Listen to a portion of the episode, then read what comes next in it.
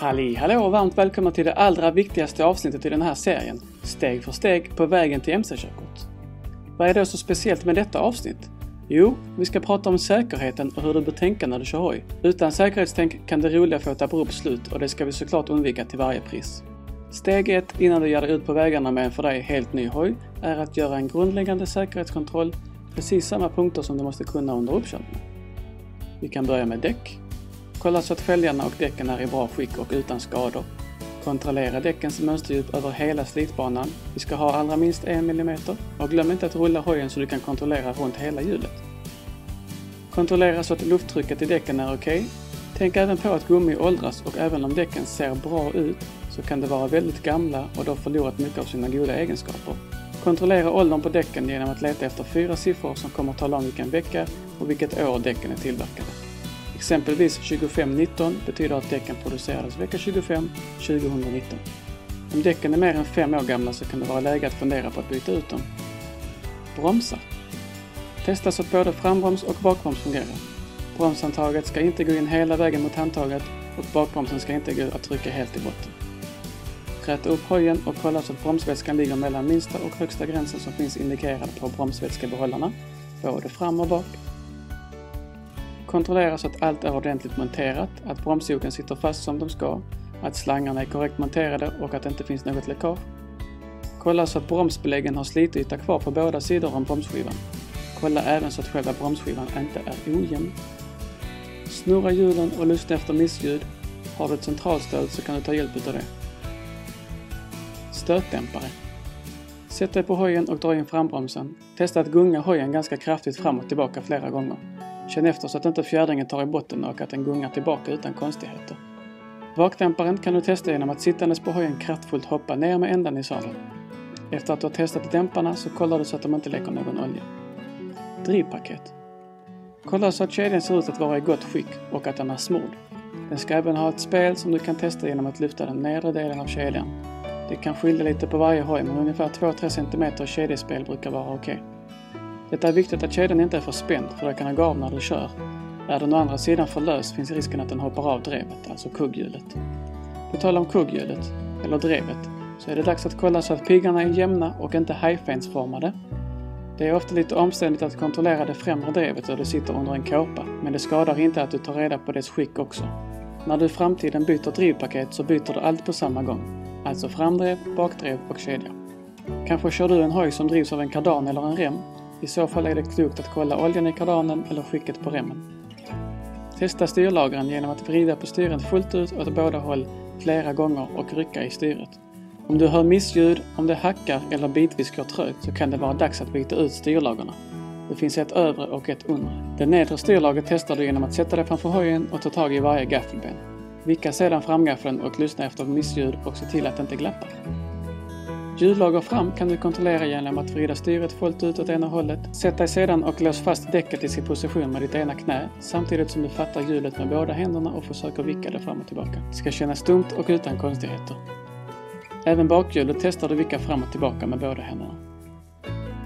Svinglagret kan du testa genom att sätta ena foten på bakbromsen och fatta bakhjulet eller svingarmen med båda händerna samtidigt som vickar om och känner efter glapp. På vissa hojar kan du komma åt fästet där lagret är monterat Håll då där med ena handen samtidigt som vikar på svingen med den andra handen. Elektronik. Kolla så att all el fungerar som den ska. Du kan börja med att slå på tändningen och kolla fram och bak samt skyltbelysning. Gå sedan igenom ett handtag åt gången där du testar halvljus, helljus och ljustutan. Blinkers åt båda håll, både fram och bak. Har din höj varningsblinkers så kontrollera även den. Testa bromsbelysningen från både fram och bakbromsen. Kolla så att tutan fungerar Starta hojen och kolla så att den stängs av när du lägger i en växel utan koppling och har stödet nere. Starta den igen och se till att den stängs av med den röda döda-knappen. Om allting som vi gått igenom hittills ser bra ut, då kan du göra en allmän översyn av hojen och kolla så att allting ser ut att vara i gott skick, utan skador eller sprickor och att allt sitter fast som det ska. Glöm inte heller kolla att oljenivån i motorn ligger inom gränsen för lägsta och högsta nivån. Vissa hojar har ett litet oljefönster och andra har en oljesticka under locket som du skruvar ur och tar upp. Kontrollera oljan med hojen upprätt om inte MCns handbok anger något annat. Skulle oljan vara kolsvart, grynig eller se märklig ut på något annat sätt så är det en god idé att planera in ett oljebyte. Oljefiltret, det byter du samtidigt. Nu när du vet att hojen är säker att framföra, då är det dags att ta på dig din skyddsutrustning som jag rekommenderar att du har från topp till tå. I avsnitt 5, 6, 7 och 8 så gick vi igenom olika alternativ till skyddsutrustning. Kolla gärna in de avsnitten om du är osäker. En E-märkt hjälm på huvudet, det är det lagkrav på. Många gillar att köra med en hjälmhuva under. Dels håller sig hjälmen fräsch längre, men den håller även håret på plats och vissa går ner och ger skydd från vind på halsen. Någon form av MC-jacka med skydd för axlar, armbågar och rygg alternativt ett separat ryggskydd. Någon form av MC-byxor med skydd för höfter och knän. Dessa två går att kombinera i ett helställ. Någon form av MC-stövlar eller skor som skyddar dina anklar, håller kvar dina fötter till benet vid en eventuell olycka och kan förstärka i alla fall vänster tå där de slits vid uppväxling. På händerna har vi någon form av MC-handske med extra skydd på knogarna och gärna även handlederna. Nu är vi redo att sätta oss på hojen, ställa in speglarna och bege oss iväg. Säkerhetstänk. Den absoluta grunden som du alltid ska ha i bakhuvudet, det är att se och synas, samt anpassa din körning efter varje unik situation. Du vill så ofta du kan placera dig så att du har en god överblick över rådande situation och vad som kan tänkas dyka upp i trafiken. Du vill ha god uppsikt i dina backspeglar för att se vad som händer bakom dig och du vill ofta scanna av ytorna runt dig och vägen. Dessutom vill du göra det du kan för att synas väl. Då menar jag nödvändigtvis inte att du måste måla hela hojen neongrön, utan framförallt att du tänker på att du lätt kan göra dig osynlig när du far fram på din hoj som ju är ganska smal. Ett typexempel är om du ligger bakom en lastbil. Låt oss säga att du ligger placerad mitt i ditt körfält, rakt bakom lastbilen. Om du inte kan se lastbilens sidospeglar, då kan du lugnt räkna med att lastbilsföraren inte ser dig heller och har således inte en aning om att du ligger bakom.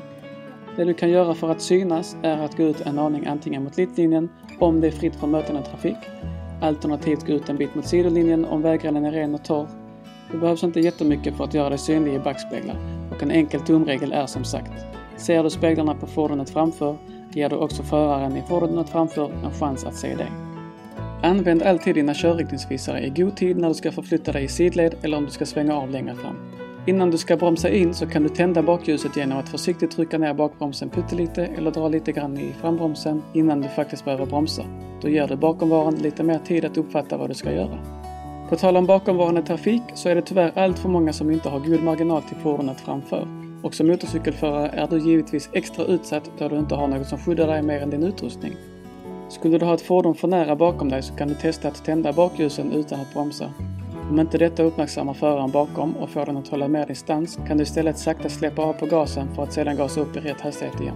Skulle föraren bakom återigen komma upp i baken på dig så är egentligen det enda lagliga alternativet då att svänga av eller blinka in och stanna vid kanten. Låta fordonet passera och sedan fortsätta din färd. Det olagliga alternativet som jag givetvis inte rekommenderar är annars att gasa på ännu mer, vilket dels förmodligen får dig att begå en hastighetsöverträdelse men även ökar risken för andra olyckor. Så låt bli det där. En annan viktig del när det gäller säkerhet är att hela tiden anpassa din körning efter rådande väglag, väder, ljusförhållanden och inte minst trafik. Försök hela tiden föreställa dig vad som skulle kunna hända och låt bli att göra något som du känner kan gå illa. Placera dig så att du ger andra trafikanter en god chans att uppfatta dig och visa alltid hänsyn till dina medtrafikanter. Är du inte helt säker, så vänta hellre med den där omkörningen. Ta inte för givet att bilen i korsningen längre fram kommer stanna och ge dig företräde, utan var alltid förberedd på att det kanske inte blir som det borde. På tal om korsningar så kan det i vissa fall vara en god idé, om det finns plats, smyga sig förbi och ställa sig längst fram vid ett rödljus.